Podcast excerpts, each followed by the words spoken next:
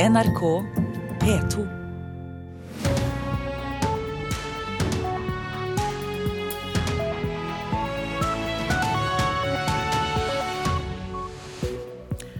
Velkommen til Nyhetsmorgen i studio, Øystein Heggen.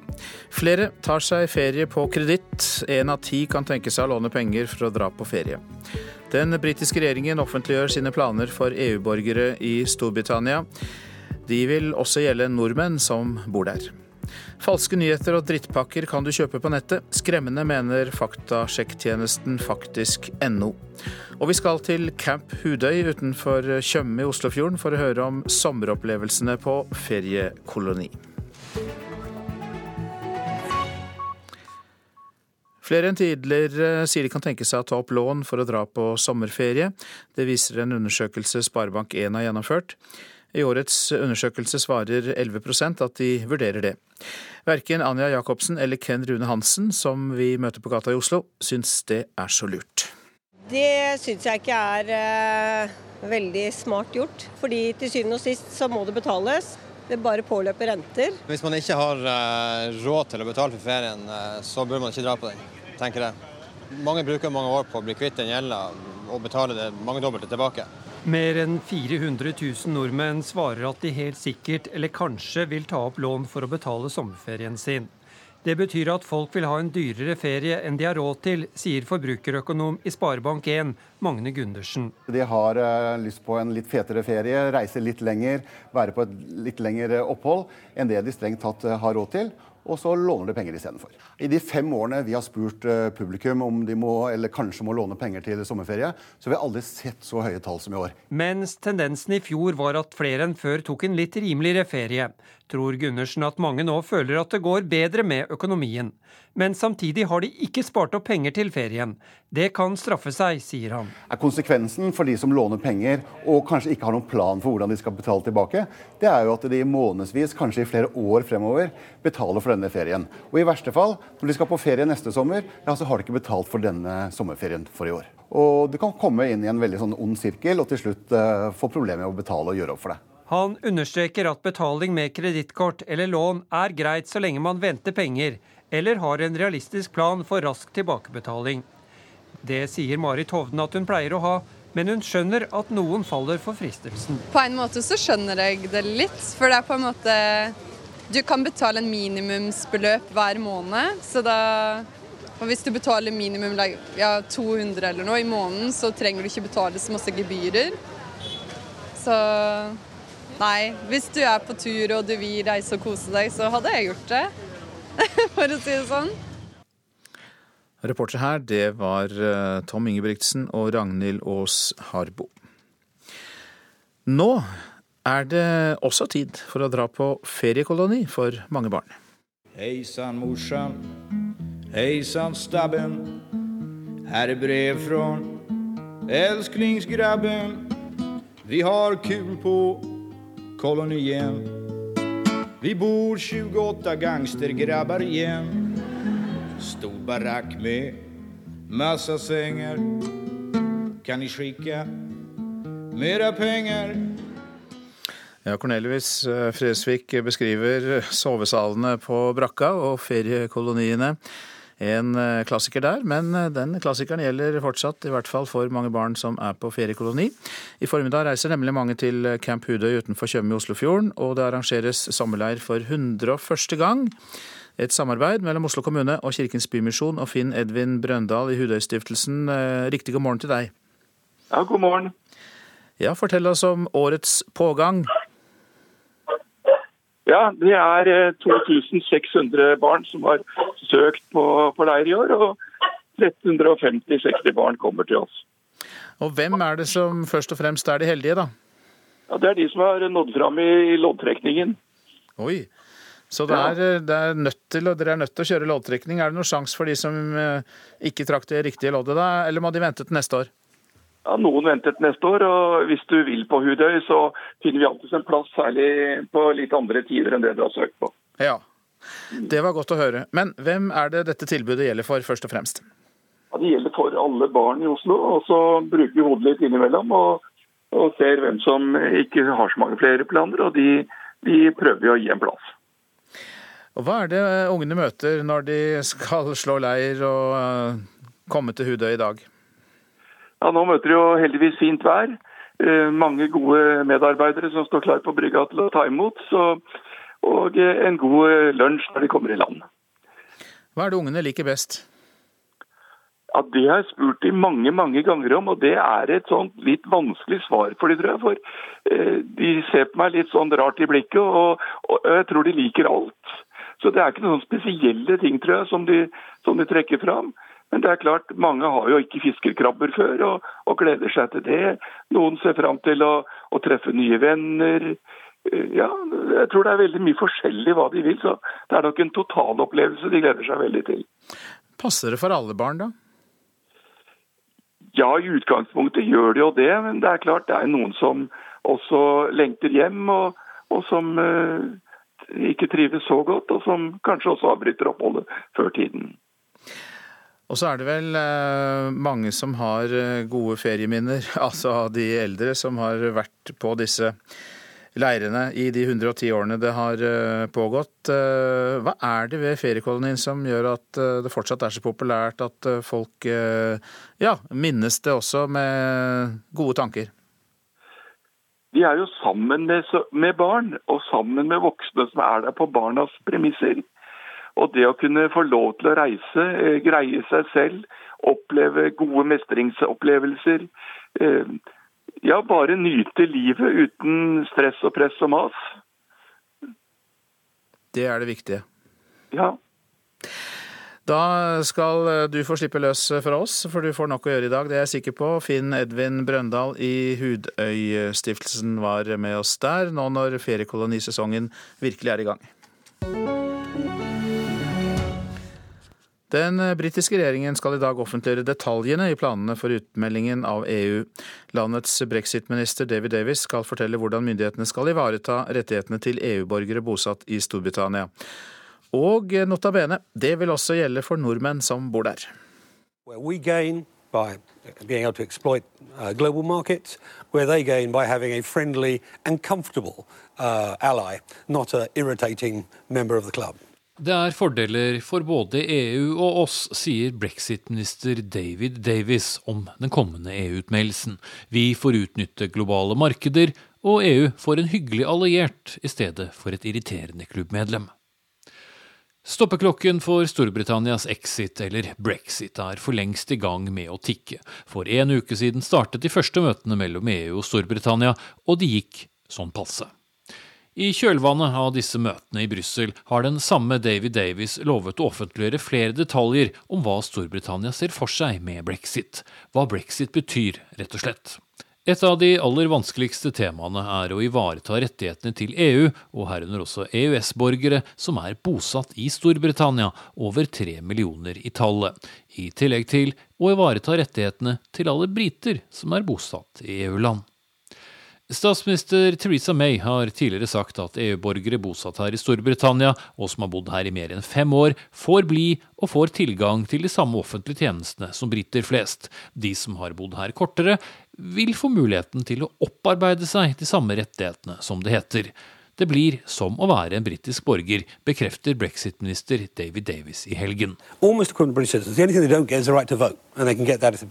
Men om de 27 EU-landene godtar dette, vel, det er noe annet. Dessuten er det også et spørsmål om hvor spiselig dette er i det hjemlige politiske klimaet, hvor Theresa May sitter noe løst i jobben etter valgnederlaget, og dersom forhandlingene med EU går dårlig, sitter hun iallfall løst. Mange innad i hennes eget parti stiller ofte spørsmålet om det er noen fordel å sitte med en leder som er så svekket i de vanskelige forhandlingene som allerede er i gang. Espen Aas, London. Og her skal vi ta en titt på det avisene har å by på. Folk dropper å kjøpe flere boliger. Finansminister Siv Jensens medisin virker. Det er stikkord fra Dagens Næringsliv. Mange investorer er ute av markedet. Det gir rom for yngre kjøpere av små leiligheter i Oslo. Unngå pensjonsfelle. Vent med å ta ut pensjon til du slutter å jobbe. VG har hentet råd fra eksperter som sier at eldre bør være disiplinerte og unngå å ta ut pensjon for tidlig. Unntaket er hvis man har dårlig helse, eller hvis man bruker pengene til å betale ned forbrukslån. Rusdebattant Eva Pei advarer mot trakassering. Hun forteller til Klassekampen at hun fikk narkotika i posten, og ble politianmeldt etter at det ble beslaglagt av tollvesenet. Hun tror meningsmotstandere hadde bestilt narko til henne i hennes navn for å true henne til taushet. Europas blodigste krig pågår inne i Tyrkia, kan Aftenposten fortelle. Konflikten mellom det kurdiske arbeiderpartiet PKK og den tyrkiske staten har de to siste årene kostet 2844 menneskeliv. Krigen i Nato-landet Tyrkia får liten oppmerksomhet, skriver avisa. Norsk laks made in China er Finansavisens tittel på artikkelen om at nordmenn ønsker å bygge oppdrettsanlegg for 700 millioner kroner i Kina. Anlegget skal bygges på land utenfor Shanghai, og nå er investorene på jakt etter en partner fra den norske sjømatnæringen. Venstre går mot sitt verste valg på 28 år, er oppslaget i Dagsavisen. Partiet har vært under sperregrensen på ni av de ti siste målingene. Det er velgerne tok fra Arbeiderpartiet i 2013 som nå svikter, mener valgforsker Bernt Årdal. Religion brukes som krigshisser, er oppslaget i Vårt Land. Forskning bekrefter at religion som driver av konflikter har vært sterkt økende helt siden den kalde krigen sluttet. Religion blir i økende grad brukt for å rettferdiggjøre voldelig kamp, skriver avisa. Bergensavisen forteller om 28-åringen Sebastian Bernard, som eier tre butikker og et røykeri, og er stor på Fisketorget.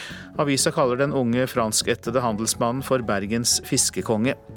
Bernard er helt uten formell utdannelse, og sier han var skolelei og kuttet ut utdanning. Nå omsetter han fisk for 70-80 millioner kroner i året. Og i vår omtale av Eliteserien i fotball skal vi nordover. Bård Flovik kan få sparken som hovedtrener i Tromsø. Kun seier var godt nok på hjemmebane i går kveld, men for femte gang på rad maktet ikke guttene å levere. Og i dag møtes ledelsen i laget for å se på løsninger. Akkurat nå er jeg så forbanna at jeg tenker ikke så mye på noe, egentlig. Det er bare det at vi skal ha tre poeng som er det viktigste. Så det, ikke, det koker litt i toppen. Morten Gams Pedersen setter ord på følelsene i sving i nord etter nok en hjemmekamp uten seier for Tromsø. 1-1 mot Sandefjord, en kamp guttene kom under allerede etter 30 sekunder, var det et misfornøyd publikum på tribunen fikk servert på Alfheim. På trenerbenken så man det samme, og for en presset hovedtrener Bård Flovik kan det ha vært siste forestilling fullt nettopp derfra. Nei, det orker jeg ikke å tenke på akkurat nå. for nå er jeg nettopp ferdig med en kamp her. og de som, de som, eh, bestemmer, får bestemme. Og det som skjer, det skjer. Og... Frykter du at du kan få sparken i morgen? Ja, det kan selvfølgelig skje. Det vet jeg ikke. Det, for, det som skjer, det skjer. Ja, vi følger en plan som, som, vi la i forrige uke. Så vi blir å ha en, en møte i morgen. Så tar vi det derfra. Sier sportssjef i Tromsø, Svein Morten Johansen. Vurderer dere å, å gi Bård Flovik sparken? Det vil jeg ikke kommentere nå. Nå er han trener hos oss nå, så skal vi eh, kjøre en prosess i, i morgen. Én seier på de siste elleve kampene er ikke godt nok, men ikke seier på hjemmebane siden 9. april tynger ekstra, ifølge sportssjefen. Ja, jeg vil gjerne svare ja på det. Eh, hjemmebane på Alfheim historisk sett eh, gjennom alle år og har vært det samme som eh, gode kamper og, og, de fleste i seier. Så, så klart at vi må vinne hjemmekampene hvis vi skal eh, klatre på tabellen. Hva tenker du rundt hovedtrener eh, Bård Flovik? Tror du han beholder jobben etter det her? Det, det er ikke opp til oss å bestemme. Det, men det er helt korrekt at uh, kun tre poeng som telte i dag, så i dag tapte vi to poeng. Til slutt her hørte vi Morten Gamst Pedersen, og reporter var Thomas Lerdal. Dette er Nyhetsmorgen. Om få sekunder er klokka 6.47. Og dette er våre hovedsaker. Musikkorpset til Minde skole i Hordaland måtte avlyse tre konserter i Berlin fordi flyselskapet Norwegian har mannskapstrøbbel. Flere hundre nordmenn ble rammet av avlyste Norwegian-avganger denne helgen. En av ti kan tenke seg å låne penger for å dra på ferie. Flere tar seg ferie på kreditt. Det viser en undersøkelse Sparebank1 har gjennomført. Seks personer er bekreftet døde og 31 er savnet etter at en turistbåt kantret nordvest i Colombia i går kveld. Rundt 150 personer var om bord da båten gikk ned. En mann er eh, siktet for omfattende smugling av narkotika. I april ble en 38 år gammel litauer stoppet av tollere da han kom med danskebåten til Kristiansand.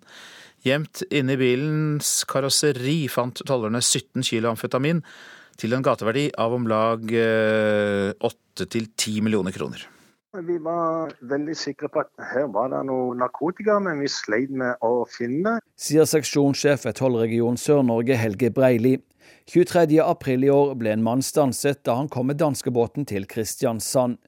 En narkohund markerte på bilen, men tollerne fant ingenting og måtte derfor skjære i bilens karosseri. Vi rønka hele bilen, og da kunne vi jo se at det var noen fremmedlegemer i bilen. Da når vi fikk åpna opp bilen, så dukka det opp 20 eh, flasker. I de flaskene der så dreier det seg om kanskje til sammen ca. 17 kilo amfetamin. Tollerne mener at de har med profesjonelle folk å gjøre.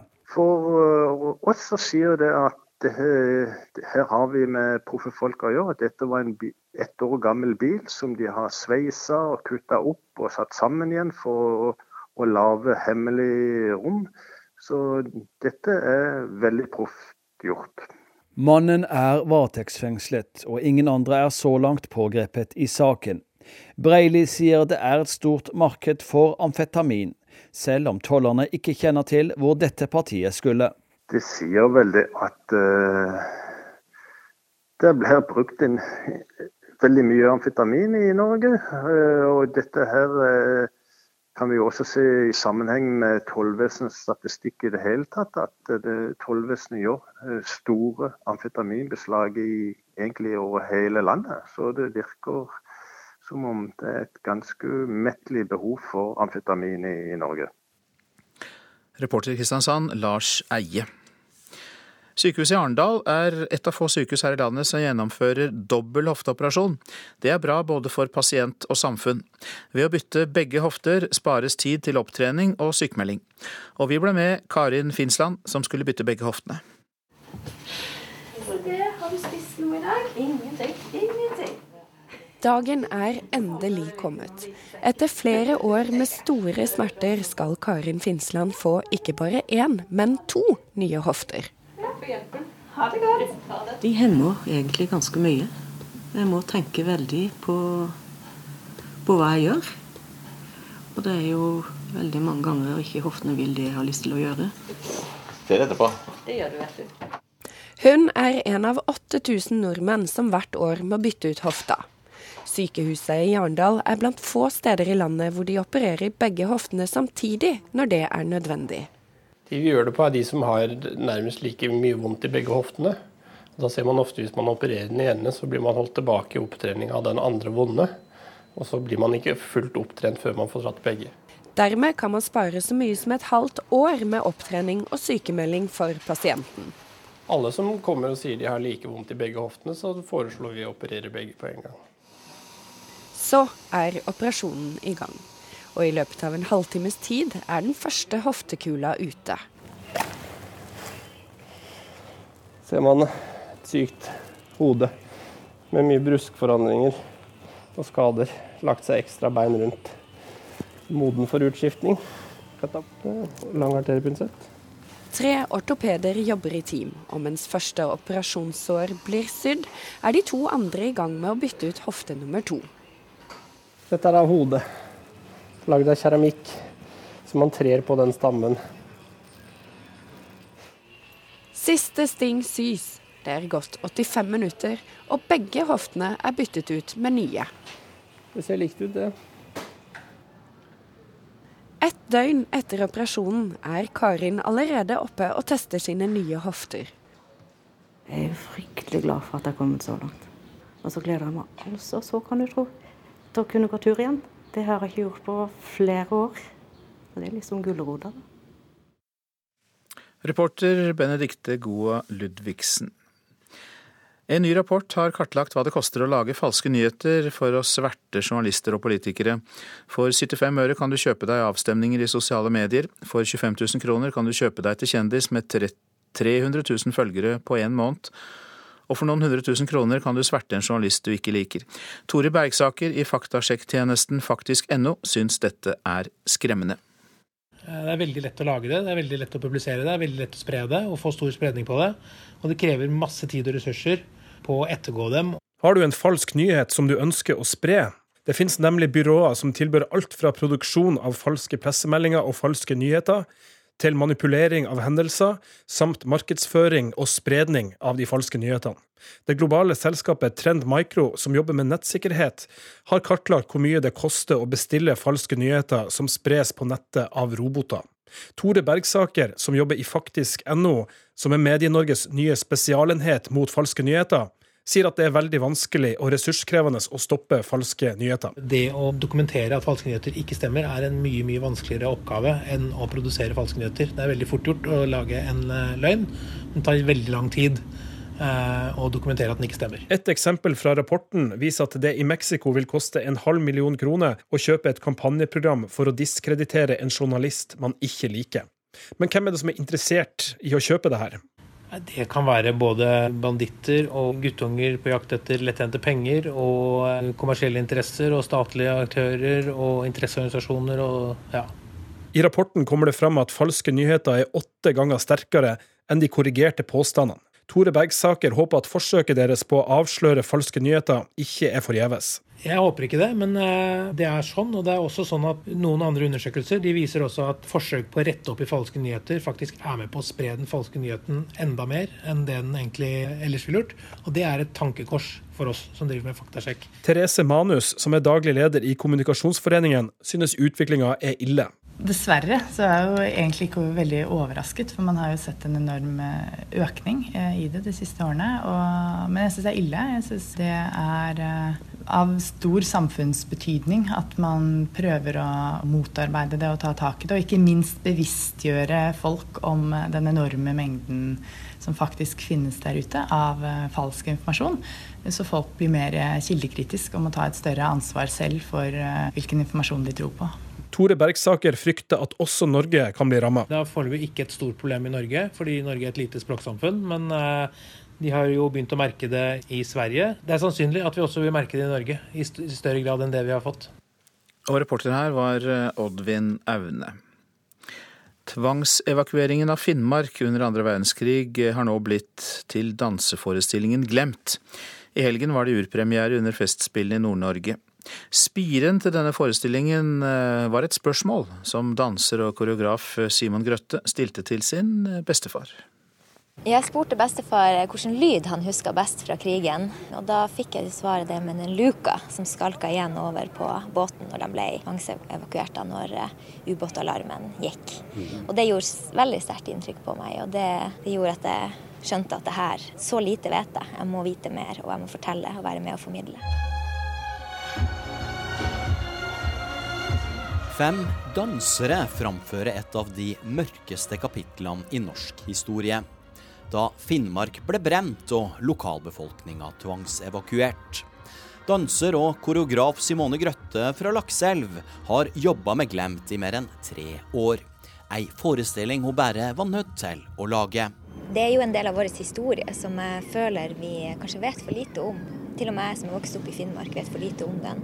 Og den har jo vært med å forme oss, som all historie. Det, det gir jo det, det gir ringvirkninger inn i, inn i framtida også. Og det å kjenne sin egen historie og lære av den, og kunne se at de, det er sånn som folk hadde det da, de drømmene og håpene og ønskene, det handler jo bare om mennesker. Så jeg følte et ansvar for at nå er jo denne generasjonen eh, Ja, den generasjonen som jeg er, da.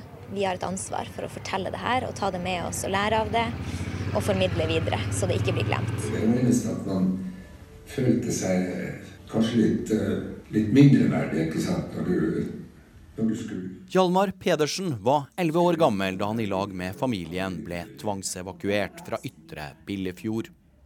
1800 finnmarkinger ble stua i hop om bord i et tysk lasteskip, hvor forholdene var så elendige at mer enn 20 personer døde. Hjalmars historie har blitt en del av Glemt, og han berømmer barnebarnets arbeid med å bringe det han opplevde, videre. Nei, jeg syns det er helt fantastisk at hun drister seg til å ta et sånt tak. Scenografien i Glemt er symboltung med et dunkelt scenerom og med svartbrente plankebiter som henger fra taket. Men hvordan formidler man krigshistorie gjennom dans? Hvordan danser man ei tvangsevakuering? Det abstrakte som dansen bringer inn i en historie, kanskje kan gjøre at noe vi kjenner til, eller det er et tema som man har hørt om, kan, man kan få rom til å tolke og føle og trekke sine egne slutninger inn i det. Eh, det gir større rom for publikum eh, sin opplevelse, da. Det er det jeg elsker med, med dansen. Koreograf Simon Grøsto, reporter i Harstad var Rune Norgård Andreassen. Så tar vi for oss værvarselet fram til midnatt. Fjell i Sør-Norge først. Opp til nordvestlig stiv kuling utsatte steder. Regn og regnbyger. Flest byger i nordlige områder. Og sludd og snø over 1200 meter. Men litt sol i sørlige fjellområder blir det. Østlandet, Telemark og Sørlandet. Nordvestlig liten kuling på kysten vest for Kristiansand, mens det vest for Lindesnes blir stiv og periodevis sterk kuling. Spredte regnbyger i dette området, men også litt sol. Men utpå dagen blir det oppholdsvær og lengre perioder med sol. Riktignok ikke de nordligste områdene av Oppland og Hedmark, som fortsatt får regnbyger. Vestlandet sør for Stad, opp til nord og nordvest stiv kuling på kysten der. Enkelte regnbyger utover ettermiddagen, stort sett oppholdsvær og noe sol sør for Nordfjord. Møre og Romsdal og Trøndelag nordvest stiv kuling på kysten. Fra ettermiddagen frisk bris eh, på kysten av Møre og Romsdal. Regnbyger, lokalt mye nedbør. Nordland nordlig liten kuling på yttersiden av Lofoten og Vesterålen. Fra utpå ettermiddagen opp i stiv kuling langs eh, hele kysten. Regnbyger, perioder med sol nord for Bodø. Så var det Troms, spredte regnbyger, perioder med sol, særlig i ytre strøk. Finnmark periodevis østlig liten kuling i nordlige og østlige kyststrøk. Enkelte regnbyger. Fra utpå formiddagen lettere vær i ytre strøk i vest. Og Spitsbergen spredte regnbyger, utrygt for uh, tåke.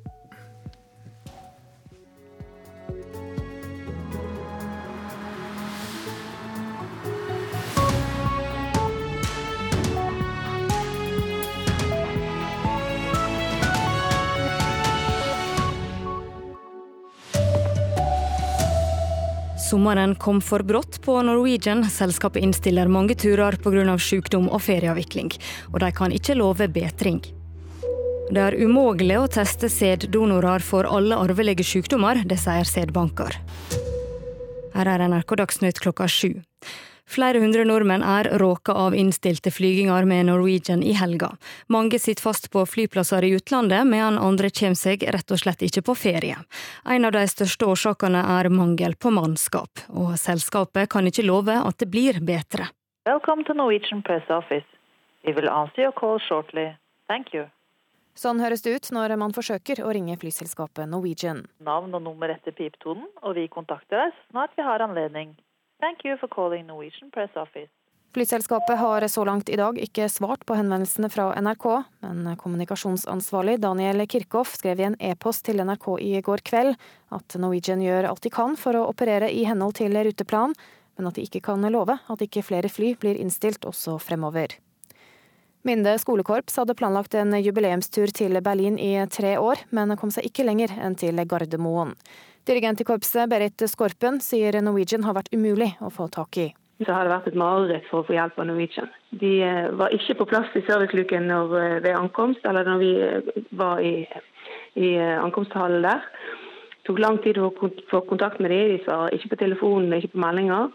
Og når det omsider kom en mann der, så var det fint lite han kunne gjøre. Reporter Lena Gundersby Gravdal. Det er umulig å teste sæddonorer for alle arvelige sykdommer. Da ville det ikke vært noen donorer igjen. Det sier Oslo universitetssykehus og verdens største sædbank i Danmark, Kryos International. Sædbanken ved OUS ønsker å ta kontakt med givere etter at to donorbarn har fått påvist mulig arvelig sykdom. Ole Skau, direktør ved Kryos International i Danmark, sier at alle er bærere av arvelige sykdommer vi kan teste for 4000 sygdomme. Hvis vi gjorde det, vi kunne bare teste for 10% av dem, der vil ikke være en donor tilbake. Øh, vi skal også passe på ikke å, å, å forsøke å lege for meget gyt, men vi skal forsøke å ta de verste ulykker vekk. Reporter Ellen Omland, og du kan lese mer på nrk.no. Søket etter en utenlandsk laksefisker i elva Orkla i Trøndelag blir tatt opp igjen nå i morgentimene. Selve redningsaksjonen etter mannen i 40-åra er avslutta, og politiet tror nå at mannen har omkommet. Mannen var en del av et fiskefølge da han glei på en stein og ble tatt av strømmen. NRK Dagsnytt fikk du av Katrine Nybø.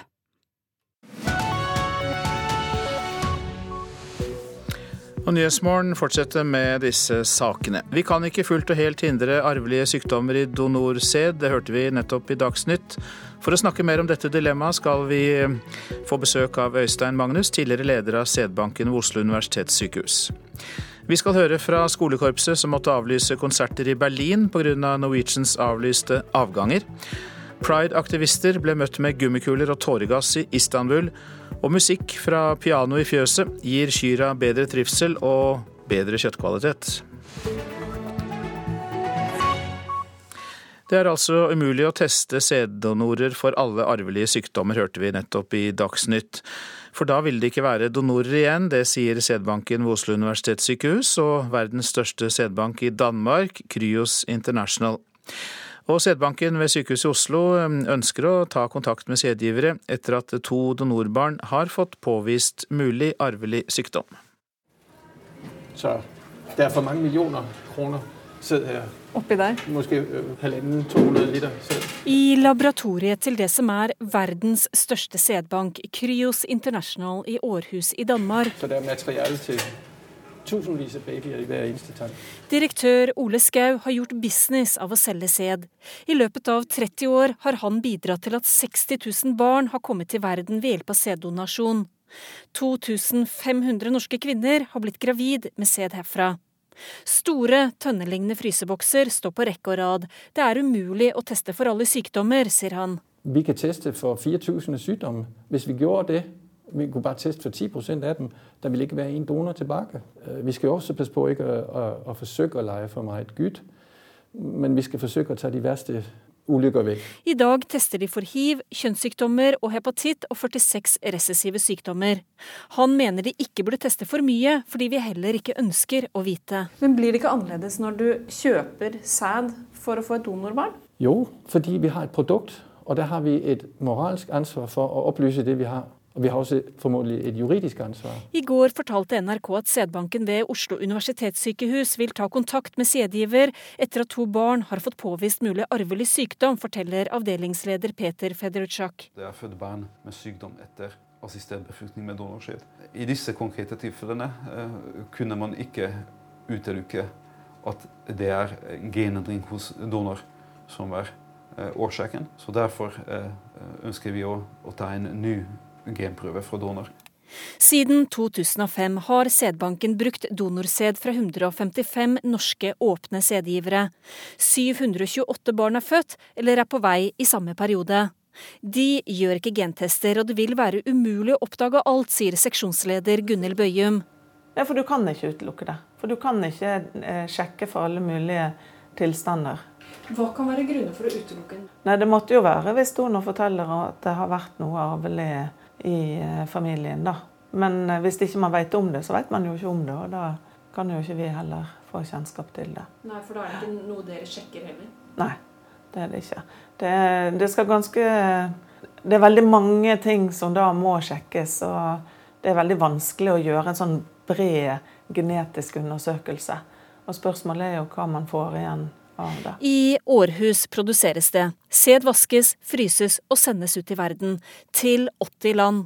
Ole Skau mener alle mennesker er bærere av arvelig sykdom. Og, og vi må faktisk eh, på det kraftigste advare mot å si åpne ikke for den Pandoras boks, fordi du kan ikke bruke det til noe. Der finnes ikke noen helbredelse for dem. Og det er en, en, en, en veldig belastende opplysning å få om seg selv. Fordi det er jo ikke bare en selv man skal jo også disse så snart du vet det, skal du så fortelle det til din familie og ødelegge deres liv. Fordi det, det, det er jo noe vi, vi deler med hverandre. Reporter her var Ellen Omland. Øystein Magnus, velkommen hit. Takk. Gynekolog, tidligere leder av Sædbanken ved Oslo universitetssykehus. Men bør vi da teste enda mer for å sikre at færrest mulig arvelige sykdommer slipper igjennom til barnet? Nei, det er ganske klart. Det er eh, når en eh, kvinne velger en mannlig partner, da, så velger hun jo det selv, og hun tar ikke en fullstendig genanalyse. Dessuten er det litt naivt å tro at eh, undersøkelser av enkeltgen kan si noe sikkert om sykdommer. Noen sykdommer kan man det på, men de fleste er jo et samspill mellom mange gener og miljøet. og Det er helt umulig å forutsi. og Det er usikkerheten ved å leve, og det gjelder også disse barna. Så usikkerheten ved å leve, den gjelder eh, uansett også donorsæd? Ja. Det må man kunne si. Eh, vi har jo hatt flere saker om sæddonasjon i NRK denne helgen. Du har jo altså da vært leder for sædbanken ved Oslo universitetssykehus. Men eh, du sier at du har fått en annen holdning til donasjon nå enn før? Ja, altså jeg har fått en annen holdning fordi jeg ser komplikasjonene komme etter hvert. Samfunnet endrer seg, og vilkårene den gang det var å hjelpe par som sto der med et sterkt barneønske, og mannen var steril eller uh, sannsynlig ufruktbar. Da. Og da var jo dette en sånn relativt sett effektiv metode. Uh, men uh, nå, etter hvert som årene går, og, og både tidligere sædgivere og barn etter dette har kontaktet meg, så skjønner jeg jo at at det er litt sånn sidespor å snakke om om barna har det bra. Barna har det helt sikkert bra uansett konstellasjon av foreldre, så sant de får kjærlighet og omsorg. Men hvem jeg er og hvordan jeg ble til, det er et spørsmål du stiller kanskje når du er 30 år eller har fått egne barn og hele din historie blir mer påtrengende.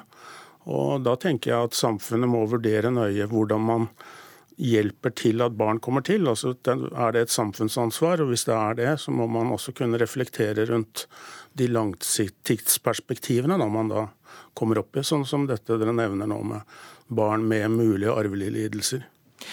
Men eh, har du endret eh, synspunkt eh, så radikalt at du syns vi bør tilby mindre av dette? Jeg liker ikke donasjon av kjønnsceller av prinsipp. Jeg mener det er galt. Eh, men jeg er jo satt eh, som lege og gynekolog, så hjelper jeg jo par som kommer til meg med det ønsket, for det sier samfunnet at du skal. Men eh, hvis jeg blir spurt sånn som nå, så synes jeg at man, hvis man tar dette inn over seg fullt og helt og ser på konsekvensen av det, og teknikken utvikler seg enormt, og muligheten for å designe barn sånn som man etterspør her, da man vil ha gentestet alle givere, Herregud, for et prosjekt. Og, og det tar helt av. Et eller annet sted må grensen gå. Og men, Det må samfunnet sette, hvis det er et samfunnsansvar i det hele tatt, å hjelpe disse. Men har ikke politikerne tatt det samfunnsansvaret i stor nok grad i dag? De har jo sikkert gjort det og tenkt så langt de kan, men man er veldig opptatt av jeg mener det er et sidespor dette med at ja, ja, men barna får det jo bra.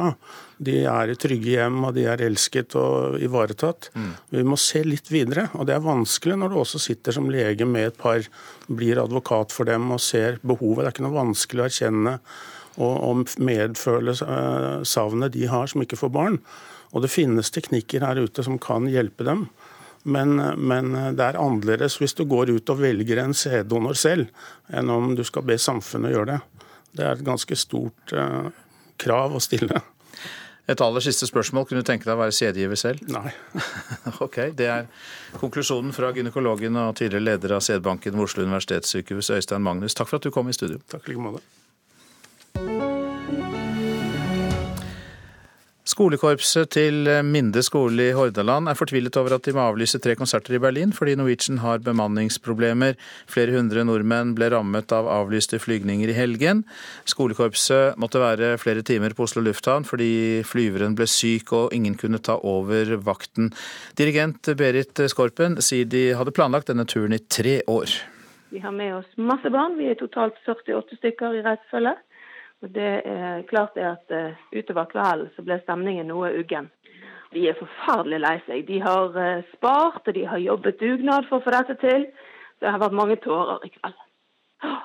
Uh, sånn at konsertene våre er jo per nå kansellert. Vi har òg måttet betale for å få lov å spille på noen av disse stedene. Det hele er en ganske kjip sak. Men det verste er at ungene er snytt for en jubileumstur som de har gledet seg til i tre år har vi planlagt dette nå. Ja, Minde skolekorps eh, strandet altså på lufthavn, Oslo lufthavn pga. disse problemene. Norwegian beklager på det sterkeste. Selskapet kan likevel ikke love at eh, det blir bedre i løpet av de neste ukene. Og mer om dette kan du lese på nrk.no.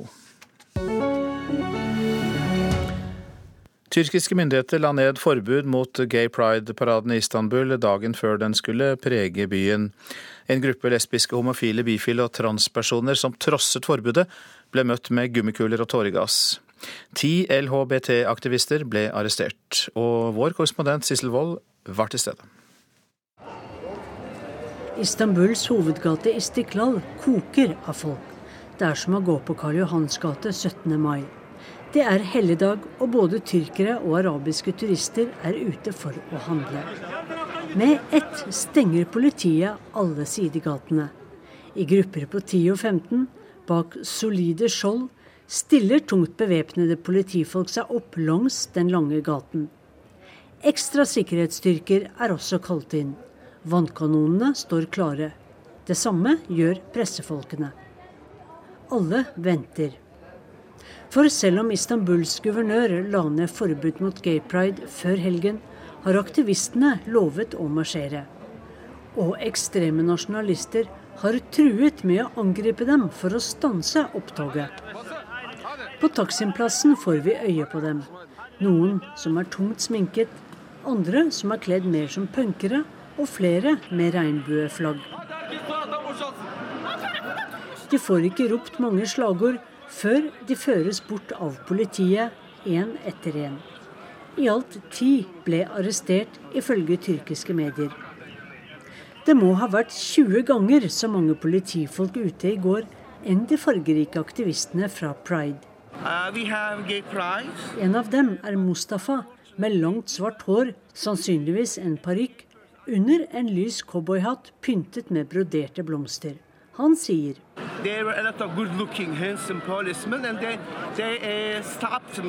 Det er mange kjekke og pene politifolk her, men de stanset meg og sa jeg ikke fikk gå sier Mustafa iført en rød kjole med matchende rød leppestift.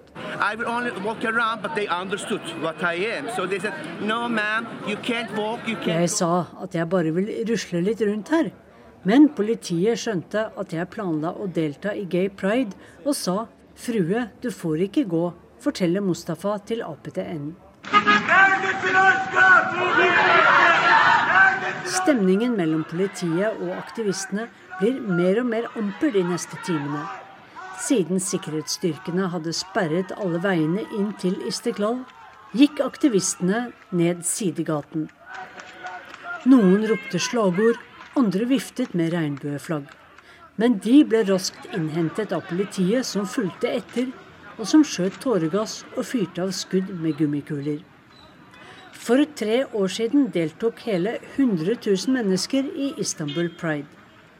Men i fjor ble også gay pride-aktivistene spredt med tåregass og vannkanoner. Men også da ble paraden forbudt like før, av samme grunn som i går. Fordi det ultranasjonalistiske miljøet truet med å stanse opptoget. Og det var de som fikk det som de ville. Og det var eh, Sissel Wold altså som rapporterte fra Istanbul. Klokka har passert 7.16. Dette er hovedsaker. Det er umulig å teste sæddonorer for alle arvelige sykdommer. Da ville det ikke vært donorer igjen, sier sædbanken ved Oslo universitetssykehus og verdens største sædbank i Danmark, Kryos International. Flere hundre nordmenn ble rammet av avlyste Norwegian-avganger denne helgen. Selskapet kan ikke love at det blir noe bedre. Søket etter en utenlandsk laksefisker i elva Orkla i Trøndelag blir tatt opp igjen nå. Selve redningsaksjonen etter mannen i 40-årene er avsluttet, for politiet tror at han har eh, omkommet. I Ukraina ser den såkalte våpenhvilen for brød stort sett ut til å holde. Den ble innført for å gi bønder i konfliktområdet i Donbas mulighet til å jobbe på jordene uten fare for å bli skutt på. Og korrespondent Morten Jentoft i Moskva, du følger med på situasjonen øst i Ukraina. Hva er de siste meldingene om eh, våpenhvilen nå? Ja, Det ukrainske forsvaret melder nå i morgentimene at uh, ifølge dem så har det vært 23 tilfeller der de har blitt skutt på av, de prorussiske uh, separatistene. Uh, det er jo langt mindre enn det man vanligvis pleier å melde. Men likevel, en av deres soldater er skadet som et resultat av denne skytingen. Våpenhvile blir jo innført natt til lørdag. Lørdag meldte det ukrainske forsvaret at to av deres soldater var drept. Det er usikkert om det skjedde før eller etter at våpenhvilen ble eh, innført. Samtidig så var det jo også en episode der eh, nettopp noen bønder skulle ut for å jobbe på markene, og der de kjørte på en mine, og én ble drept og to ble skadet. Sånn at helt stille er det ikke, men det er helt tydelig at eh, denne våpenhvilen for brød har roet ned situasjonen noe da i dette konfliktområdet, der det jo har pågått en, mer eller mindre en krig i, i, i tre år nå. Er det også håp om at denne våpenhvilen skal kunne sikre elektrisitetsforsyning og vannreservoarer, viktig infrastruktur? Ja, Det er jo det veldig mange håper på. og Jeg var i kontakt med eh, noen som bor i området der nede i, i går, og de fortalte at eh, kanskje det viktigste nå det er at man prøver å få infrastrukturen opp igjen. Eh, strømforsyninger, eh, høyspentledninger, de blir eh, reparert akkurat nå. Samtidig så sier eh, Det internasjonale Røde Kors at noe av det aller viktigste nå det er å sikre vannforsyningen i området, i nærheten av disse eh, reservoarene hvor det finnes vann. Eh, der er det også store lagre med klor. Dette kan utgjøre en stor fare for sivilbefolkningen. Nå er muligheten til å få sikret disse områdene, gjøre det til såkalte sikre soner. Det vil være en stor framgang for de millioner av mennesker som bor i dette konfliktområdet. Og så er vi jo vant til å lure på, kan man si, har man innført en våpenhvile, så kan kanskje dette være starten på en mer varig fredsprosess. Hva, tror du om det? Det er ingenting som tyder på det akkurat nå. Den ukrainske presidenten Petro Porosjenko han ga i går kveld et stort intervju til ukrainsk TV. Der var han mest opptatt av at uh, Ukraina nå får besøk både av den amerikanske utenriksministeren Rex Tillerson uh, og av Natos generalsekretær Jens Stoltenberg i løpet av den nærmeste måneden. Han sier det at en avtale med USA om å levere våpen til Ukraina er like om hjørnet. Så spørs det jo da om, om ytterligere opp opprustning vil eh, gjøre det lettere å få til, eh, til, fred, få en slutt på denne konflikten. Det er ingenting som tyder akkurat på det, eh, på det nå.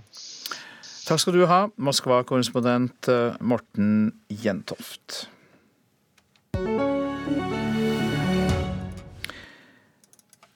Vi eh, har jo en tendens til å snakke om mange toppmøter, men i dag er det dukket for et virkelig toppmøte hvis vi skal snakke om eh, store land. Modi møter Trump, med andre ord. Indias statsminister besøker USAs president. Utenriksmedarbeider Joar Hoel Larsen, du har jo bodd i begge land. Eh, hva blir viktig når disse to møtes? Dette med toppmøter er jo en helt egen idrettsgren, kan vi si. slik at det viktige er faktisk at de møtes. og måten de møtes på. Eh, det er viktig for statsminister Modi å vise verden at han blir mottatt nesten kanskje muligens på et høyere nivå enn f.eks. den kinesiske presidenten Xi Jinping. Eh, det understrekes derfor at for første gang så skal Donald Trump holde en arbeidsmiddag for en av sine gjester. Eh, det er den røde løperen, det er bildene, og ikke minst, som det understrekes, hvorvidt disse to finner en personlig kjemi. De har tvitret hverandre opp gjensidig på forhånd. Det er to menn som har en del pragmatiske, businessorienterte, arbeidsplasseksportrettede pengefyrer, begge to. Slik at de har en form for felles plattform. Modi har understreket for amerikansk næringsliv allerede før denne middagen at India er et land med minimum government, som man sier. Altså at der skal det være lett å etablere seg. Slik at de har en felles plattform. og Det er imøtesett med spenning, og det er viktig å få vist seg. Men uh, America first på den ene siden og India first på den andre siden, det går jo sånn sett ikke opp. Er det duket for noen konflikter også? Ja, Det er vel dette de må gripe fatt i under denne arbeidsmiddagen. Da, for det er helt åpenbart at dette er to veldig nasjonalistisk orienterte regjeringssjefer og statsledere som, uh, som tenker da på sitt eget land først. Uh, I og for seg ikke noe galt i det, men vanligvis så pleier man jo på en måte å ha en utstrakt hånd. Selv under en middag. Eh, men, eh, men, de må finne ut at de to trenger hverandre mer enn de trenger andre, for nettopp å få vedlikeholdt den alliansen som det tross alt har vært mellom India og USA de siste årene. Er det sånn at uh, Trump kan trenge Modi, altså at det kan komme noe konkret ut av det til Trump, så da i neste omgang kanskje USAs fordel?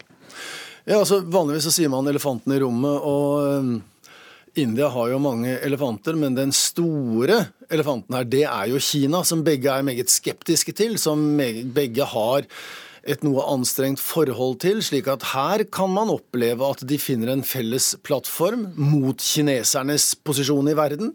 Og så er det da indernes lille regionale hovedfiende Pakistan, som jo da Donald Trump også kanskje mener at er et eh, arnested for internasjonal terror. Slik at de har noen geopolitiske referanser her som kan være gode å ta med seg i det felles arbeidet videre. Mange takk skal du ha, Joar Ho Larsen. Vi har altså snakket om at Narendra Modi, som er statsminister i India, skal møte USAs president Donald Trump. Så er det på tide å si noe om det avisen er opptatt av her hjemme. Folk dropper å kjøpe flere boliger. Finansminister Siv Jensens medisin virker. Det er stikkord fra Dagens Næringsliv. Mange investorer er ute av markedet nå. Det gir rom for yngre kjøpere av små leiligheter i Oslo. Unngå pensjonsfelle. Vent med å ta ut pensjon til du slutter å jobbe. VG har hentet råd fra eksperter som sier at eldre bør være disiplinerte og unngå å ta ut pensjon for tidlig. Unntaket er hvis man har dårlig helse, eller hvis man bruker pengene til å betale ned forbrukslån. Rusdebattant Eva Pei advarer mot trakassering. Hun forteller til Klassekampen at hun fikk narkotika i posten og ble politianmeldt etter at det ble beslaglagt av tollvesenet. Hun tror meningsmotstandere hadde bestilt narko i hennes navn for å true henne til taushet. Europas blodigste krig pågår inne i Tyrkia, kan Aftenposten fortelle. Konflikten mellom det kurdiske arbeiderpartiet PKK og den tyrkiske staten har de siste to årene kostet 2844 menneskeliv. Krigen i Nato-landet Tyrkia får liten oppmerksomhet, skriver avisa. Norsk laks made in China er Finansavisens tittel på artikkelen om at nordmenn ønsker å bygge oppdrettsanlegg for 700 millioner kroner i Kina. Anlegget skal bygges på land utenfor Shanghai, og nå er investorene på jakt etter en partner fra sjømatnæringen. Venstre går mot sitt verste valg på 28 år, er oppslaget i Dagsavisen. Partiet har vært under sperregrensen på ni av de ti siste målingene. Det er velgerne partiet tok fra Arbeiderpartiet i 2013 som nå svikter, mener valgforsker Bernt Årdal. Religion brukes som krigshisser, er oppslaget i Vårt Land. Forskning bekrefter at religion som driver av konflikter har vært sterkt økende helt siden den kalde krigen sluttet. Religion blir i økende grad brukt for å rettferdiggjøre voldelig kamp. Bergensavisen forteller om 28 år gamle Sebastian Bernard, som eier tre butikker, et røkeri og, et, og er stor også på Fisketorget.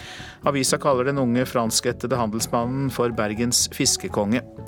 Bernard er helt uten formell utdannelse og sier selv at han var skolelei og kuttet ut utdanningen.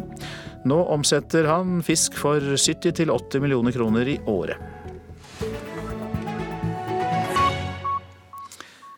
Musikk kan gi kyrne økt trivsel og dermed bedre kjøttkvalitet. Det mener samboerparet Anders Dalland og Irene Danielsen på Tysnes i Hordaland.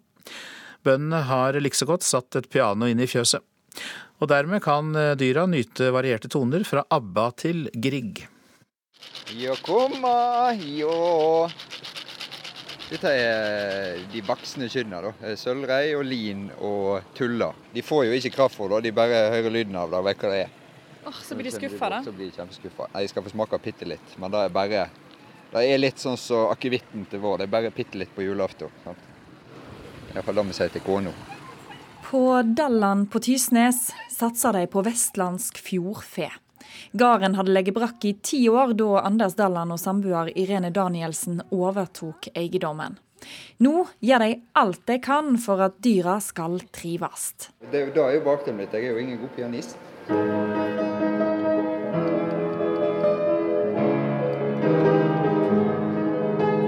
Inne i fjøset til storfea står nemlig et piano dekka med støv.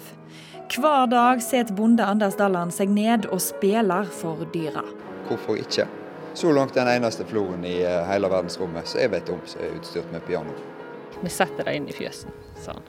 Og så gjorde vi det, og det syns vi var en kjempegod idé. Og det er fantastisk fint å se hvor god stemning det blir inne i fjøsen, da, for å si det rett ut. Det er, du må jo kjenne til storfe for å kunne se det, men dyra de, de, er rolige og de, de, de, legger merke til at han spiller når han spiller. Se hvordan de reagerer. Tror du dette har noen effekt? Ja, helt alvorlig så tror jeg faktisk det har en effekt. I gamle dager sang de alltid til kynna. Og Der står den radioen som jeg vant på Nitimen-konkurransen for noen år siden. Og den har jeg på når jeg er i Floren hvis ikke jeg spiller.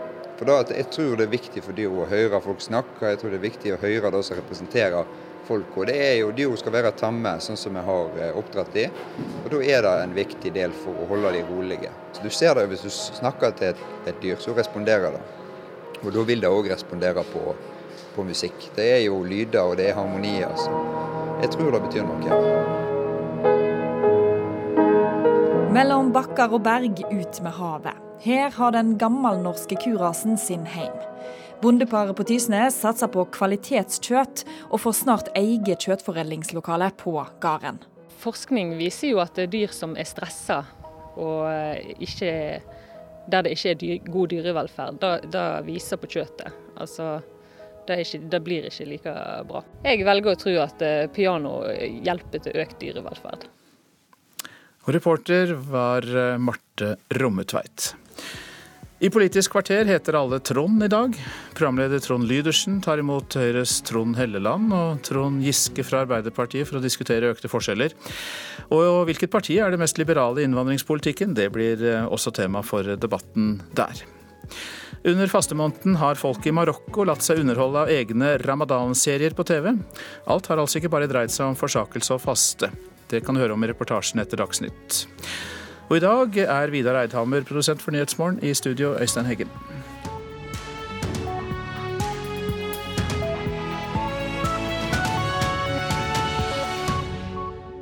Tenk om homofili fortsatt var forbudt. Hadde hviska om de perverse folka, og, og hadde kjernefamilien stått enda sterkere? Tenk om Norge ikke hadde funnet olje. Hadde vi vært fattige? Hadde vi vært hyggeligere? Tenk om vi fortsatt var husmødre. Hadde barna hatt det bedre? Var kvinnekampen egentlig feil? Er det lov å si? Vi trenger hjelp. Tenk om vi kunne invitert med oss noen kloke hoder ut i parken, f.eks.? Ja, det gjør vi! Tenk om. Hver lørdag klokken åtte i hele sommer på NRK P2.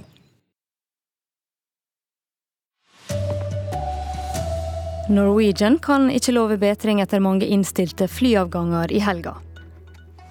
Det er umulig å teste sæddonorer for alle arvelige sykdommer. Og musikk i fjøsen gir bedre kjøtt, mener en bonde, som spiller piano til kyrne sine. Her er NRK Dagsnytt, klokka er 7.30. Minde skolekorps fra Hordaland måtte avlyse tre konserter i Berlin fordi Norwegian har mannskapsproblem. Korpset kom seg ikke lenger enn til Oslo lufthavn i går, der ble de møtt av ei innstilt reise. Norwegian har måttet innstille mange flyginger de siste dagene pga. mangel på folk. Og det har vært vanskelig å få tak i Norwegian, sier korpsleder Berit Skorpen så har det vært et mareritt for å få hjelp av Norwegian. De eh, var ikke på plass i serviceluken eh, ved ankomst, eller når vi eh, var i, i ankomsthallen der. Det tok lang tid å få kontakt med dem. De svarer ikke på telefonen, ikke på meldinger. Og når det omsider kom en mann der, så var det fint lite han kunne gjøre. Kommunikasjonsansvarlig Daniel Kirchhoff skrev i en e-post til NRK i går kveld at Norwegian gjør alt de kan for å operere i henhold til ruteplan, men at de ikke kan love at ikke flere fly blir innstilt også fremover. Skorpen forteller at korpset hadde planlagt turen i over tre år. Barna i korpset, som er mellom 9 og 19 år, er alle veldig skuffa, sier hun. De er forferdelig lei seg. De har eh, spart og de har jobbet dugnad for å få dette til. Det har vært mange tårer i kveld. Flere NRK har snakket med, opplever at Norwegian har vært lite imøtekommende etter kanselleringer. Skorpen sier de selv måtte booke reisefølge på 48 stykker inn på et hotell. Det kunne ikke Norwegian hjelpe oss med, for det var fullt på de samarbeidshotellene som de hadde. Eh, vi fant et eh, hotell i Lillestrøm som kunne ta imot oss, og her er vi nå. Et Thon hotell. De har vært helt fantastisk fra vi kom inn dørene til nå alle har fått rom. Så nå skal vi ha et reiseledermøte for å høre hva vi gjør videre. Reportere var Lena Gundersby. Det er umulig å teste sæddonorer for alle arvelige sykdommer. Da ville det ikke vært noen donorer igjen. Det sier Oslo universitetssykehus og verdens største sædbank i Danmark, Kryos International. Sædbanken ved OUS ønsker å ta kontakt med givere etter at to donorbarn har fått påvist mulig arvelig sykdom. Så det er for mange millioner kroner Oppi der? Måske halvannen 200 liter. I laboratoriet til det som er verdens største sædbank, Kryos International i Århus i Danmark. Så det er materiale til tusenvis av babyer i hver eneste tann. Direktør Ole Skau har gjort business av å selge sæd. I løpet av 30 år har han bidratt til at 60 000 barn har kommet til verden ved hjelp av sæddonasjon. Det er umulig å teste for alle sykdommer, sier han. Vi kan teste for 4000 sykdommer. Hvis vi gjorde det, vi kunne bare teste for 10% av dem. Der vil ikke være en donor tilbake. Øh, vi skal også passe på ikke å, å, å forsøke å leie for meget gutt, men vi skal forsøke å ta de verste ulykker vekk. I går fortalte NRK at sædbanken ved Oslo universitetssykehus vil ta kontakt med sædgiver etter at to barn har fått påvist mulig arvelig sykdom, forteller avdelingsleder Peter Federutschak. I disse konkrete tilfellene eh, kunne man ikke utelukke at det er genendring hos donor som er Eh, årsaken. Siden 2005 har sædbanken brukt donorsæd fra 155 norske åpne sædgivere. 728 barn er født eller er på vei i samme periode.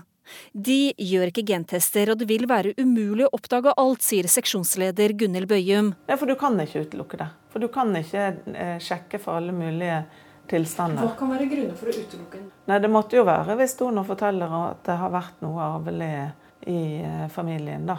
Men eh, hvis ikke man vet om det, så vet man jo ikke om det. Og da kan jo ikke vi heller få kjennskap til det. Reportere var Ellen Omland, og du kan lese mer om dette på våre nettsider nrk.no. Tyrkiske styresmakter la ned forbud mot Gay Pride-paraden i Istanbul dagen før den skulle starte.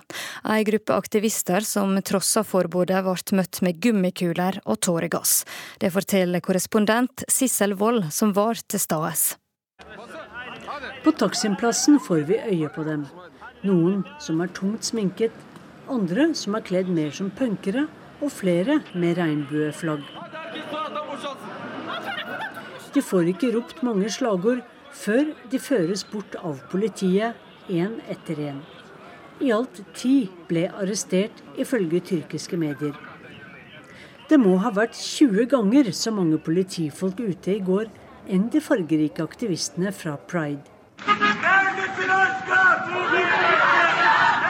Stemningen mellom politiet og aktivistene blir mer og mer amper de neste timene. Siden sikkerhetsstyrkene hadde sperret alle veiene inn til Istiklal, gikk aktivistene ned sidegaten. Noen ropte slagord, andre viftet med regnbueflagg.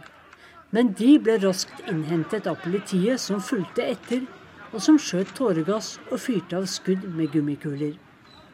For tre år siden deltok hele 100 000 mennesker i Istanbul Pride. Men i fjor ble også gay pride-aktivistene spredt med tåregass og vannkanoner. Men også da ble paraden forbudt like før, av samme grunn som i går, fordi det ultranasjonalistiske miljøet truet med å stanse opptaket. Og det var de som fikk det som de ville. Seks personer er stadfesta døde og 31 er savna etter at et skip med turister kantra i Colombia i går kveld. Rundt 150 personer var i ferja da den av ukjent årsak gikk ned like ved Guatape. President Juan Manuel Santos sier at ingen barn er funnet døde, og at han er blitt informert om at båten ikke hadde for mange om bord. Båten sokk raskt og plutselig, og Santos sier at eksperter er på plass for å granske ulykka. Flere enn tidligere sier at de kan tenke seg å ta opp lån for å reise på sommerferie.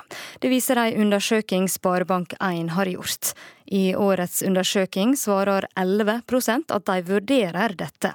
Verken Anja Jacobsen eller Ken Rune Hansen, som vi møtte på gata i Oslo, synes det er så lurt. Det syns jeg ikke er uh, veldig smart gjort. Fordi til syvende og sist så må det betales.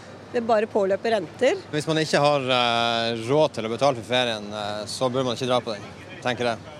Mer enn 400 000 nordmenn svarer at de helt sikkert eller kanskje vil ta opp lån for å betale sommerferien sin.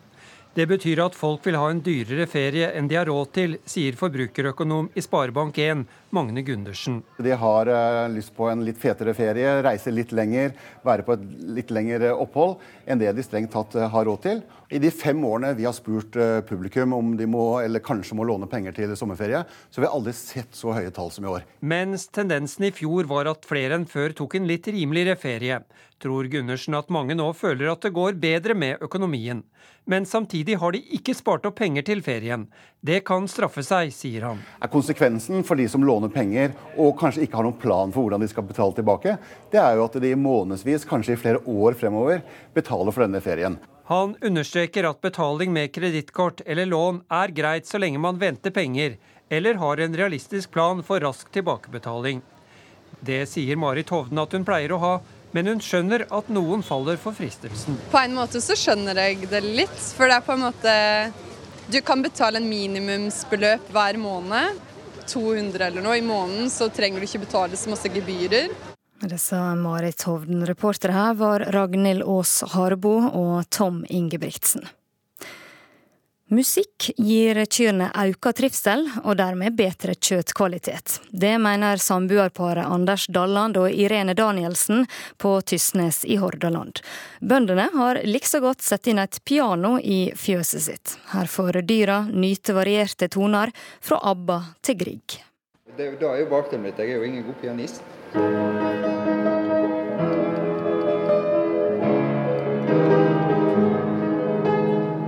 I fjøset til storfea står nemlig et piano dekka med støv. Hver dag setter bonde Anders Dalland seg ned og spiller for dyra. Det er fantastisk fint å se hvor god stemning det blir inne i fjøsen, da, for å si det rett ut. Det er, du må jo kjenne til storfe da, for å kunne se det, men dyra de, de, er rolige og de, de, de legger merke til at han spiller når han spiller. Se hvordan de reagerer. Tror du dette har noen effekt? Ja. Helt alvorlig så tror jeg faktisk det har en effekt. I gamle dager sang de alltid til kynna. Og Der står den radioen som jeg vant på Nitimen-konkurransen for noen år siden. Og eh, den har jeg på når jeg er i Florø hvis ikke eh, jeg spiller. Så Du ser det hvis du snakker til et, et dyr, så responderer det. Og da vil det òg respondere på, på, musikk. Det er jo lyder og det er harmonier. Altså. jeg tror det betyr noe. Reporter her var Marte Romme Tveit. Ansvarlig for NRK Dagsnytt var Anders Borgen Werring. I studio Katrine Nybø.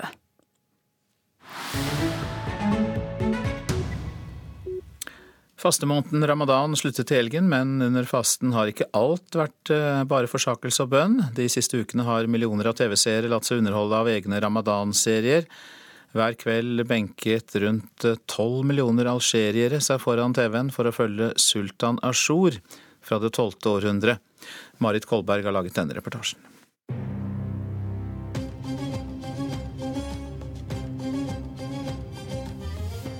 En sultan eller en konge i eksklusive gevanter med en stor og flott krone på hodet. Rådgivere i kapper og med turban prydet med kostbare steiner. Vakre kvinner, også de i fargerike gevanter med overdådige smykker. Sverd og fakler og dramatiske scener der det kriges til hest. Klokka kvart på ni sitter opp mot 18% av Algeries TV-seere klare til å følge sultanen og hans liv, som utspiller seg på den private fjernsynskanalen Eshorok. Det er flere som ser på han enn det er som ser på nyhetssendingene om kvelden. I ramadan samles familien gjerne for å se sammen på TV til kveldsmåltidet iftar etter at fasten er brutt. Slik er det også i Marokko, forteller norsk-marokkanske Linn Nikkerud. Det er jo veldig vanlig, i hvert fall hjemme hos oss, og så ser vi på disse seriene under iftar eller etter iftar. Jeg tror det er veldig vanlig praksis, fordi når jeg ringer hjem til mine besteforeldre, så vet jeg at de ser på samme serie som meg. I løpet av året produseres det mange TV-serier som sendes i akkurat disse ukene, og ramadan-TV-serier er blitt et fenomen. På YouTube er det laget en egen kanal for dem, der er mange hundre TV-serier samlet. Sultan Ashur kom på lufta for første gang i 2015, og er i ferd med å bli mer populær enn noensinne. For selv om Harim Sultan er en tyrkisk saga fra flere århundre tilbake, er det som skjer svært så gjenkjennelig. Hos sultanen, som lever i det tolvte århundre, handler det om eksamen i videregående skole, det handler om fallende pris på olivenolje, han har en dronning som er mest opptatt av Botox, og det kan handle om et landslag som taper alle fotballkampene. Og om hvor irriterende det er når TV-signalet forsvinner midt under en fotballkamp. I serien snakkes det også om korrupsjon. Det snakkes om byggingen av en moské til en milliard euro, og om en sultan som bruker helsetjenester i utlandet istedenfor å legge seg inn på sykehus hjemme. Hvor kritiske disse seriene til vanlig er mot landets myndigheter, er nok noe varierende. Men alle har de noen fellestrekk, forteller Nikkerud. Det er en eh, serie med humor, men som også gjengir virkeligheten og har både kulturelle og religiøse uttrykk som gjør at når du ser på disse seriene, så kjenner du deg igjen. No, det med temperament da, er jo kanskje litt Jeg vil ikke si at det er typisk marokkanere, men det at man før iftar kanskje kan bli veldig irritabel, Sånne ting, Det er sånne småkonflikter man tar opp hele tiden. TV-selskapene satser stort på å lage slike serier. Noen hevder at TV-titting har blitt en like viktig verdslig del av måneden som det å faste. Og så å si alle har en serie de følger, forteller Nikkerud. Og det samler jo familien. Man har kanskje en fast serie på kveldstid som man ser på, som er forbeholdt ramadan. Musikken har også en stor plass. C'est la vie! Yalla! On va chanter! Og mens sultanen i TV-serien som liksom er fra 1200-tallet tuller med en populær låt, så kan man også låne øre til noe av den mer typiske ramadan-musikken. Ramadan.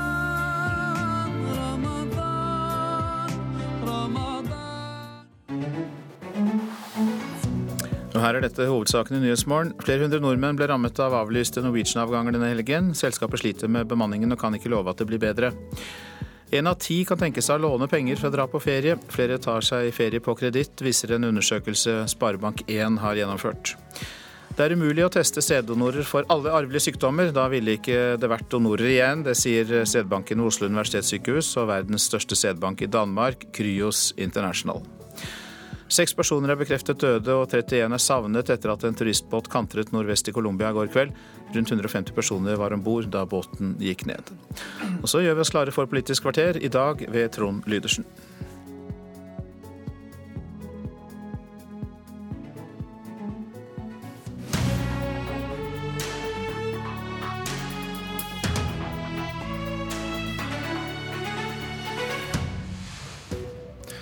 Arbeiderpartiet har slått inn på et liberaliseringsspor i asyl- og innvandringspolitikken, påstår Høyre.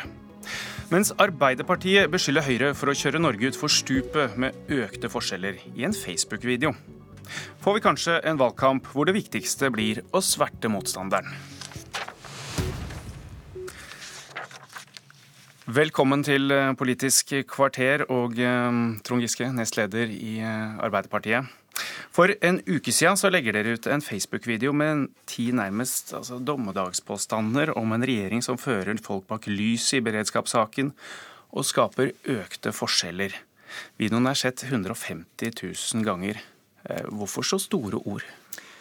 Nei, Jeg mener at det er grunnlag for det vi sier i den videoen. Vi påpeker at det nesten ikke skapes nye jobber i Norge. At vi har opplevd en rekordhøy arbeidsløshet, og at ledigheten fortsatt er veldig høy.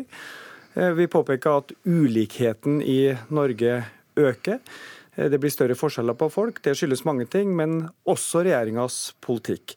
Når du gir eh, svære skattekutt til dem som har mest fra før, og kutter i ordningene for vanlige folk eller for fattige, så blir det økte forskjeller. Og Det er det lov å si i en valgkamp, fordi det er et viktig retningsvalg for Norge fra 2017 og framover. Trond Helleland, parlamentarisk leder i Høyre, du, velkommen. Du sitter Takk. i studio i Drammen. Eh, dere valgte jo å lage en egen motsak. Dere var ikke veldig enige, hvor dere kaller dette for løgn. Hvorfor lager dere en egen motsak her? Nei, Når Arbeiderpartiet tyr til den eh, type virkemidler og skal beskrive vår politikk, så, så kan det være greit å svare på det. Mange som er interessert i våre svar. og eh, det er jo feil på feil på feil på feil i den eh, Facebook-posten. Det høres ut som jorda er i ferd med å gå under pga. denne regjeringen. Realiteten er at SSB viser at det har vært en litt økende ulikhet gjennom mange år. Og hovedgrunnen til det er innvandring. Det at du får inn eh, nye landsmenn som da har dårlig inntekt, som har eh, en eh, vanskelig start, det gjør at du har fått noe økende ulikhet. Men det er jo liksom tonen i dette Arbeiderpartiet legger opp til. Det er jo bare å gå inn og se på vårt tilsvar, så vil en se og høre Arbeiderpartiets video. Det er jo omtrent som jorda skulle ramle sammen. Giske er ikke litt ufint, da? Altså, jeg vil anbefale alle å gå inn og se på Arbeiderpartiets ja, Facebook-video. Ja, og Vårt tilsvar er veldig godt, så det bør alle se også. Men jeg tror uansett at uh, folk opplever sin egen hverdag. Selvfølgelig uh, forandres ikke Norge over natta, men gradvis går vi i feil retning. Og jeg tror det er mange som er enig med Arbeiderpartiet at vi opplever mer utrygghet at eh, vi har hatt en rekordhøy arbeidsløshet. Du kan ikke gjemme bort 70 000 Men, unge mennesker som står utafor arbeid eller utdanning. Nå, og du kan ikke gjemme bort 126 000 uten arbeid. Og Det er hovedårsaken ja, til at forskjellene øker, at folk står utafor arbeidslivet og ikke lenger har trygg inntekt. Det er så lett for Trond Giske å glemme hva som har skjedd i denne perioden, at oljeprisfallet ga oss en høy, for høy arbeidsledighet, særlig på Vestlandet. Men da bør en også huske hva sentralbanksjefen sa nå på torsdag, at nå går det bedre i norsk økonomi. Det skapes nye arbeidsplasser, ledigheten går ned. Og i 2020 spår sentralbanksjefen at vi kommer til å ha den laveste arbeidsledigheten noen gang. Nå er jo ledigheten svært låg i mange av våre fylker, i Innlandet, i Nord-Norge. Det går så det suser i reiselivet, det går så det suser i fiskerinæringen. Det er altså Å, å, å framstille dette som at det nå går alt feil vei, det blir for billig. Og sjøl Trond Giske kan ikke være med på sånne påstander. Giske, Giske, jeg må spørre deg, fordi du, Dere kommer med en del påstander her. Eh, Lover du at forskjellene i Norge vil være mindre enn i dag om fire år hvis dere kommer til makta? Ja, det lover jeg faktisk. Det, det, skjedde jo ikke sist gang? Jo da, det skjedde. Mellom 2005 og 2013 så gikk uh, ulikheten mellom folk i Norge ned, inntektsforskjellene ble mindre. Og det er jo sånn at du må leve på en annen planet, hele land, fordi at du sier at nå går alt så meget bedre, og Nei, det, det går så det suser. La meg fullføre. La meg bare få Nå snakker jeg, Trond Helleland. I 2016 var det første året om lenge at den private sysselsettinga i Norge gikk ned. Vi fikk færre private arbeidsplasser i 2016. Oljeprisfallet var i 2014. Du må slutte å skylde på oljeprisfallet. Vi trenger en politikk for full sysselsetting, også med lavere oljepris. Giske. Giske lover lavere, mindre forskjeller hvis de kommer til makten. Gjør dere det samme? Vi jobber for å redusere forskjellene. Vi jobber for å gi folk muligheten til å komme inn i det som er det aller viktigste for å redusere forskjellen, nemlig jobb. Og Derfor så har vi lagt stor vekt på å omstille norsk økonomi. Vi ønsker å modernisere offentlig sektor, ikke reversere. Og Det som er så spennende med Trond Giske, vet du, det er at når han sier at det bare Arbeiderpartiet kommer til, så skal ledigheten, eller så skal forskjellene minske. Men hvis en ser på den vinglingen Arbeiderpartiet har hatt det siste året, og, og hvordan det hele tida flytte fokus i politikken, så er jeg veldig usikker på hva slags politikk de skal føre. Nå er det åpenbart det å sverte Høyre og sverte regjeringen som er hovedgrepet. Det hadde vært ålreit å hørt litt om deres egne politiske løsninger. Det ser vi veldig lite av. Ja, men La oss nå bare ta det som du sier, at nå viser det seg at arbeidsløsheten går ned. Ja. Det Statistisk sentralbyrå sier, er at hovedårsaken til at ledigheten går litt ned, ikke at folk kommer i jobb, men at folk trekker seg ut av arbeidsmarkedet. For første gang Eh, på over 20 år er nå over en tredel av voksne mennesker i Norge utafor arbeidslivet. Det er alvorlig for Norge. Og Så skal du få høre om vår politikk. En helt annen innsats for næringsutvikling. Få ja, fart på Norge. Hva da? Hva da? Vi kan ikke ta hele lista. Nei, ikke hele lista. En helt, skal ta tre ting. En ja. helt annen innsats på næringsutvikling i de bransjene hvor vi har fortrinn. Bort med næringsnøytraliteten og tro at markedet løser det. Punkt nummer to en helt annen innsats for å få ungdom inn i arbeid. Vi har 70 000 unge utenfor arbeid og utdanning. Det er alvorlig. Og det tredje, slutt med de store skattekuttene. Bruk pengene på eldreomsorg, på skole, på å bygge sykehjem, på å pusse opp skoler. Det er mye Men, mer eh, fornuftig for å få hjulene i slutt, gang. eh, programleder, jeg må få lov å si at eh, denne regjeringen, denne regjeringen har gjort svært mye for å få ungdom i arbeid. Blant annet så har vi nå økt lærlingetilskuddet for femte gang på rad. Vi har gjort eh, mye for eh, spesielle næringer. Blant annet har vi lagt frem for første gang på lenge en egen reiselivsmelding som ble godt tatt imot, en egen industrimelding som ble godt tatt imot. Arbeiderpartiet må slutte å snakke om næringsnøytralitet. Denne regjeringen jobber inn mot hver enkelt næring og sørger for at det går så det suser i fiskerinæringen, reiselivsnæringen og industrien. der fikk du sagt litt om eh, egen politikk også, begge to. Men vi skal er fortsette med det som handler om å sverte hverandre litt. politikk. Ja, det er ikke dumt. Eh, men vi skal fortsette med påstander om motstandere. Vi skal bytte tema. Eh, For det er ikke bare Arbeiderpartiet som har vært på krigsstien. Dere, dere har slått inn på et påstandsspor i Høyre også. Ja. Du påstår at Arbeiderpartiet har slått inn på et liberaliseringsspor i asylpolitikken, og advarer mot at flere vil søke asyl med en ny regjering. Hvordan kan du vite det? Fordi at når vi fikk eh, det store og brede flyktning- og asylforliket i Stortinget, som jeg sjøl leda forhandlingene med, så var det en eh, brei enighet om å gå gjennom de særfordelene, særordningene flyktninger og asylsøkere hadde. Så la regjeringen dette fram for Stortinget, og Arbeiderpartiet svikta. De var ikke med på noen innstramminger som gjør da at det vil være mer attraktivt å komme til Norge som flyktning enn å være egen norsk statsborger som har bodd noen år i utlandet. Du får rask opptjening av folketrygd, du får alle særordninger som andre folk må jobbe og slite for i mange år. Og Dette bidrar til en trygdelinje og ikke en arbeidslinje. Det er min påstand. Og, og Hvis en skal snakke om noe som bidrar til ulikhet her i Norge, så er det at eh, asylsøkere, og særlig flyktninger, da, i for liten grad kommer i jobb. Det er jo det vi må motvirke.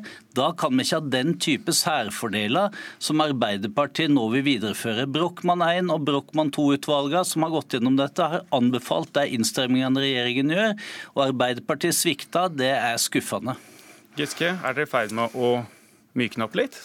Nei, dette er jo eh, systemer som har eh, vært der i 40 år eh, under skiftende regjeringer. og jeg må si at jeg reagerer ganske sterkt på måten Høyre argumenterer. Snakker jo som en Frp-er. Det høres jo omtrent ut som Tybring-Gjedde som snakker. Viser at Høyre har forandra seg i Her, Nå må jeg få lov å snakke ferdig en gang uten å bli avbrutt.